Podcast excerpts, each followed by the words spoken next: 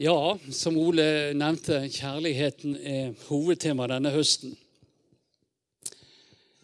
Og det er jo eh, enormt tema, egentlig, ikke sant?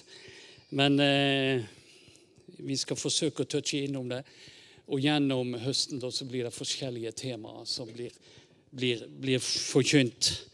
Uh, og Så får vi se hvordan det går, og så får vi be om at Herren leder oss og, gir oss det som skal forkynnes til de som skal forkynne osv. Så, videre. så det, det, er i hvert fall spennende.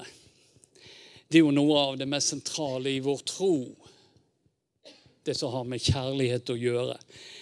Og uh, det er et stort tema blant oss som kristne. Og så vet vi at ute i verden er det òg et stort tema, det som har med kjærlighet å gjøre. I Bibelen omtales tre forskjellige typer kjærlighet. Kjærlighet mellom venner, filos. Kjærlighet mellom mann og kvinne, eros. Og Guds kjærlighet, agape, som vi som mennesker får. Også som en åndens frukt. Og vi skal forholde oss til agapekjærligheten i bestemt form, altså Guds kjærlighet. Ser vi på skaperverket, så ser vi at Gud har elsket oss helt fra begynnelsen. Det er helt tydelig. Det skulle ikke være vanskelig å se det. Han skapte den jorden vi skulle leve på, og han har gjort det godt. Er dere enige? Ja, jeg tror vi er enige om det. Det er godt, det vi ser rundt oss, og det vi har fått av Gud vi har fått mulighet til å dyrke, og vi har fått alt det vi trenger, egentlig, og mye godt i tillegg. Mangfoldet i den naturen vi har, er jo bare helt fantastisk. Og går du på detaljnivå, så er det imponerende og over vår forstand. Så Gud har skapt noe godt og gitt oss noe godt. Når Gud skapte på denne måten før vi var der, så er det nesten som å sammenligne med forventningsfulle, spente førstegangsforeldre som gjør klart barnerommet før fødselen. Kan dere se det for dere? Klær, vugge, barnevogn. Alt det en liten nyfødt baby trenger av utstyr. Barnet skal ikke mangle noe. Alt skal tenkes på, og alt skal være på plass. ikke det sånn? Han er vår far. Vi er barn. Og det er det vi kan sammenligne det med. Så dette er Guds kjærlighet, og den får vi del av. Vi får del i denne kjærligheten.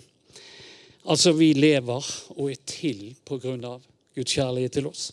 Vi frikjøpt og frelst av Hans kjærlighet til oss. Den enkelte av oss er en del av menigheten pga. Guds kjærlighet til oss. Og vi har fått ulike evner og gaver og muligheter pga. Guds kjærlighet til oss. Og nå kunne jeg jo fortsette, for listen er uendelig på hva vi har fått. Og Vi kan ikke komme inn på alt som har med kjærlighet å gjøre. Men vi har tenkt at vi må holde oss på et nivå som inspirerer oss alle til å holde oss Holde kjærligheten oppe, og til å leve ut kjærligheten i våre daglige liv. Både i menigheten og utenfor. På det nivået tenker jeg at vi skal holde oss. fordi at her kan du gå i masse ting, langt dypt i teologien, og du kan gå videre. Men vi tenker at vi holder oss i det som har med det vi har bruk for i vårt daglige liv, det vi har bruk for i menighetslivet. Det vi trenger av Guds kjærlighet. Jeg har satt som tema for denne gudstjenesten kjærligheten en frukt og et valg. Altså to ting. Kjærligheten er en frukt, også et valg. Og Nå får vi se. Jeg skal lese to skriftsteder. Det ene er ett vers, nei, to vers, og det andre er flere vers. Galatane 5, 22 og 23. Der leser vi sånn. Men åndens frukt er kjærlighet, glede, fred, overbærenhet, vennlighet, godhet, trofasthet, tålsomhet og selvbeherskelse. Slike ting rammes ikke av loven. Utrolig viktig vers for oss. Det neste jeg leser, er det som vi vet er kjærlighetens kapittel. Om jeg taler med mennesker Altså første kor 13, Korinterbrev 13. Om jeg taler med menneskers og englers tunger, men ikke har kjærlighet, da er jeg bare drønnende malm eller en klingende bjelle.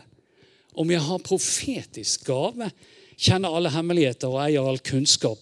Om jeg har all tro så jeg kan flytte fjell, men ikke har kjærlighet, da er jeg intet.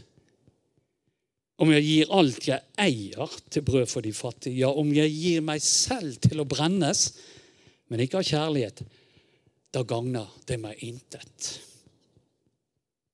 Kjærligheten er tålmodig, kjærligheten er velvillig. Den misunner ikke, den skryter ikke, er ikke håmodig. Den gjør ikke noe usømmelig, den søker ikke sitt eget, blir ikke oppbrakt og gjemmer ikke på det onde. Den gleder seg ikke over urett, men har sin glede i sannheten. Kjærligheten utholder alt, tror alt, håper alt, tåler alt. Kjærligheten faller aldri bort. De profetiske gaver skal opphøre, tunger skal tie, kunnskapen skal ta slutt, for vi forstår stykkevis, og vi taler profetisk stykkevis. Men når det fullkomne kommer, skal det som er stykkevis, forsvinne. Da jeg var barn, talte jeg som et barn, tenkte jeg som et barn, dømte jeg som et barn. Men da jeg ble mann, la jeg av det barnslige. Nå ser vi som i et speil, i en gåte. Da skal vi se ansikt til ansikt. Nå forstår jeg stykkevis. Da skal jeg forstå fullt ut, slik Gud kjenner meg fullt ut. Så blir de stående, disse tre tro, håp og kjærlighet men størst blant dem er kjærligheten. Kapittel 14, vers 1. Jag etter kjærligheten. Streb etter åndsgavene. Mest etter å tale profetisk. Jeg tok med også den. Når jeg sier at kjærligheten er en frukt, så tenker jeg på, på to ting. Og der er spesielt to skriftsteder. da. For Paulus sier i Romane 5.5 Guds kjærlighet er utøst i våre hjerter ved Den hellige ånd, som han har gitt oss. Altså, Gud har utøst, han har lagt ned i oss sin kjærlighet ved sin ånd. Gud er kjærlighet, og han gir kjærlighet. Han elsket oss først, og han har bevist sin kjærlighet, som vi feirer til nå, ved at han sendte sin sønn til å dø på et kors for oss. Til å ta all vår synd, skyld og straff på seg. Så han har åpnet for oss veien til Gud, tilbake til seg. Gud har gitt oss en vei, en mulighet å komme til Han. Og så leste vi nå her i Galaterne 5.22. Kjærligheten står først av fruktene som Den hellige ånd gir. Når Den hellige ånd legger ned i oss fra Gud, så legger han først og fremst kjærlighet. Det ligger der. Fordi Gud er kjærlighet, så legger han det ned i oss, så vi skal elske. Det er viktig for Gud at vi elsker, for han elsker. Men når jeg sier at det er en frukt, så det, blir det fordi at vi får mer og mer kjærlighet jo mer og mer samfunn vi har med Jesus. Og jo mer og mer vi fyller oss med Den hellige ånd. Så når du fyller deg med Den hellige ånd, når du ber om det, for du må be om det Han tvinger seg ikke på oss, men vi må be om det. Så får du kjærlighet. Og det som skjer når vi blir fylt det er jo det at da blir det som en konsekvens, det blir et resultat, at vi elsker. Og det trenger vi. Det er ikke et strev for å oppnå noe, det å skulle ha kjærlighet. Men det skal være et resultat av at vi bruker tid sammen med Han. At vi har fellesskap med Jesus. Men husk at Guds kjærlighet den blir alltid gitt til oss ubetinget. Alltid uavhengig av hvordan vi er, så blir den gitt til oss. Så Gud krever ikke noe av deg for at du skal få den. Den andre siden av det temaet her er at kjærligheten er noe vi velger. Altså det er et valg. Og det er en veldig viktig del av vårt trosliv. Vi får kjærlighet, mottar kjærlighet i våre liv, og vi gir kjærlighet i våre liv. Og vi velger sjøl hvor mye vi gir. Og vi står daglig overfor valg der vi kan velge mellom det gode og det onde, for den saks skyld. Men vi kan velge mellom det å være god mot andre eller å bare sørge for oss sjøl. Gud viser oss kjærligheten i en annen vei enn den vi fort som mennesker kan tenke. For vi har gjerne oss sjøl i sentrum, ikke sant? Og vi vet at i ordet så blir vi mange ganger, mange ganger oppfordret til å elske hverandre. Så kallet er der, utfordringen er det. Og det er et valg vi må ta. Så vi må vel egentlig alle erkjenne, i hvert fall trenger jeg det, at vi trenger å få mer av Guds kjærlighet i våre liv. Så når det gjelder dette her, så er det mye for oss alle å strekke oss etter. Vi leste i 1. Korin 13 om hvordan vi er uten kjærligheten. Da er vi i Guds rike bare lyd. Det er en, en sånn Da er vi en klingende bjelle eller et eller annet. Og vi regnes for å være ubrukelige i Guds rike.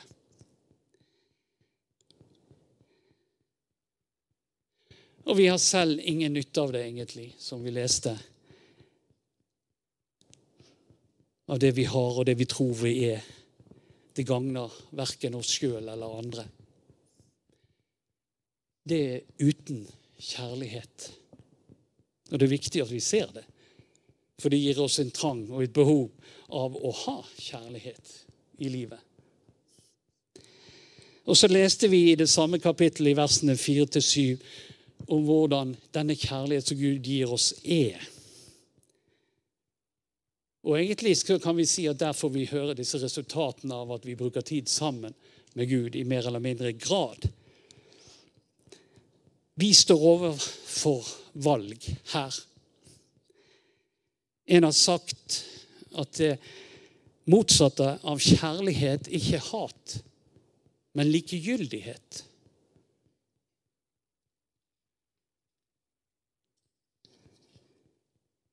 Altså det å ikke gjøre noe. En annen Forfallet er en av de tingene i livet som kommer av seg sjøl. Du slipper å gjøre noe. Da kommer forfallet. Og For oss som troende er dette en absolutt sannhet. Det er bare sånn.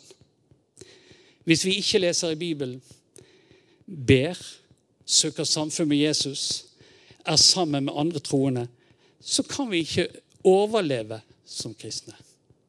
Det går ikke an. Og det vi gjør da, det er å åpne opp for fienden. Gi han mulighet.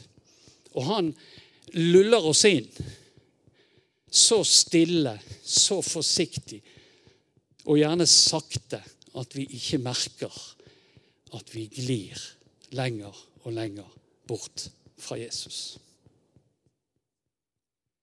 Det er faren vi står overfor. Og Derfor sier Bibelen mange ganger våk. Våk.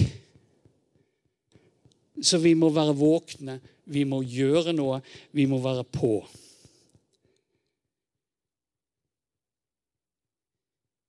Vi må henvende oss til Jesus, han som har kjærlighet. Og så må vi gi han tid, bruke tid med han. I 1. Johannes kapittel 4 står det For kjærligheten er fra Gud, og den som elsker, er født av Gud og kjenner Gud. Den som ikke elsker, har aldri kjent Gud, for Gud er kjærlighet. Gud er kjærlighet. Vi kjenner Han. Og hvis vi kjenner Han, så vil vi gjøre sånn som Han gjør. Vi elsker. Når vi søker Hans nærhet, Hans ansikt, så åpner vi opp for at Han får slippe til i våre liv. Og for at Gud skal slippe til i våre liv med sin kjærlighet, så må han, eller vi ved hjelp av han, skrelle vekk noe av det som hindrer oss i å komme nærmere han. Nærmere slik at vi kan motta mer og mer av den kjærlighet som han vil gi oss. Når Jesus snakker med disiplene om eh, om det å være en disippel, det å følge etter han, så syns jeg han er temmelig utfordrende. Og det handler om hvordan vi disponerer den kjærligheten vi får. Matteus 10, 37-39. Den som elsker far og mor, far eller mor mer enn meg, er meg ikke verd. Den som elsker sønn eller datter mer enn meg, er meg ikke verd. Og den som ikke tar sitt kors opp og følger meg, er meg ikke verd. Den som finner sitt liv, skal miste det. Men den som mister sitt liv for min skyld, skal finne det. Tøffe ord. Men det er et kall til å følge etter. Følge etter Jesus. Og elsker vi andre mer enn han, så blir vi ikke så disponible for han.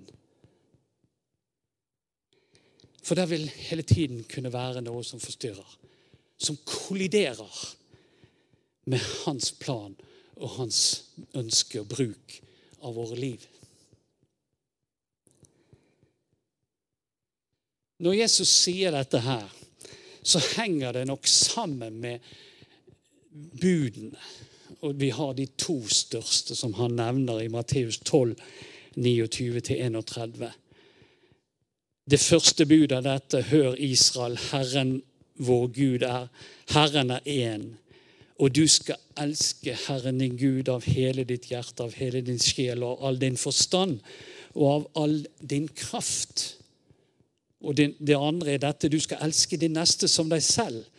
Ikke noe bud er større enn disse to.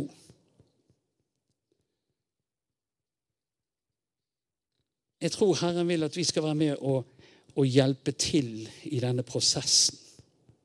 Dette kommer ikke av seg sjøl, og han tvinger ingen. Vi må ville. Vi må ville fylle oss med denne kjærligheten. Vi må ville følge etter Han. Vi må ville overgi livene våre til Han. Overgi kontroll til Han. Overgi den del av egoet vårt som står i veien, for at Han skal kunne slippe til. Og han sier at han best kan gjøre det hvis vi sier at vi ikke kan. Vi ikke får det til. For da er vi helt disponible for Han. Gud har gitt oss kjærligheten.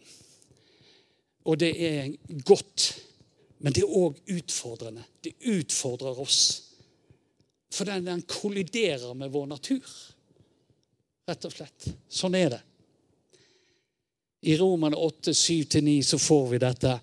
Det menneskene av naturen trakter etter, betyr fiendskap mot Gud. For vår onde natur bøyer seg ikke for Guds lov. Ja, den kan ikke gjøre det. Slik menneskene er i seg selv, kan de ikke være etter Guds vilje. Men dere er ikke i den syndige natur. Dere er i Ånden, så sant Guds ånd bor i dere.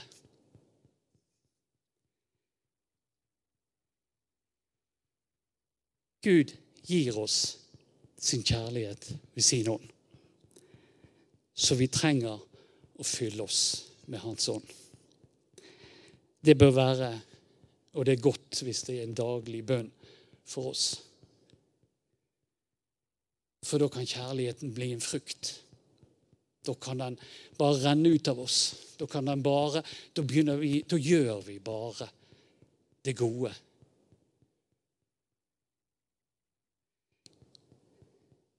Den kjærlighet Gud vil gi oss, er en kjærlighet som ikke venter å få noe igjen. Og hør nå.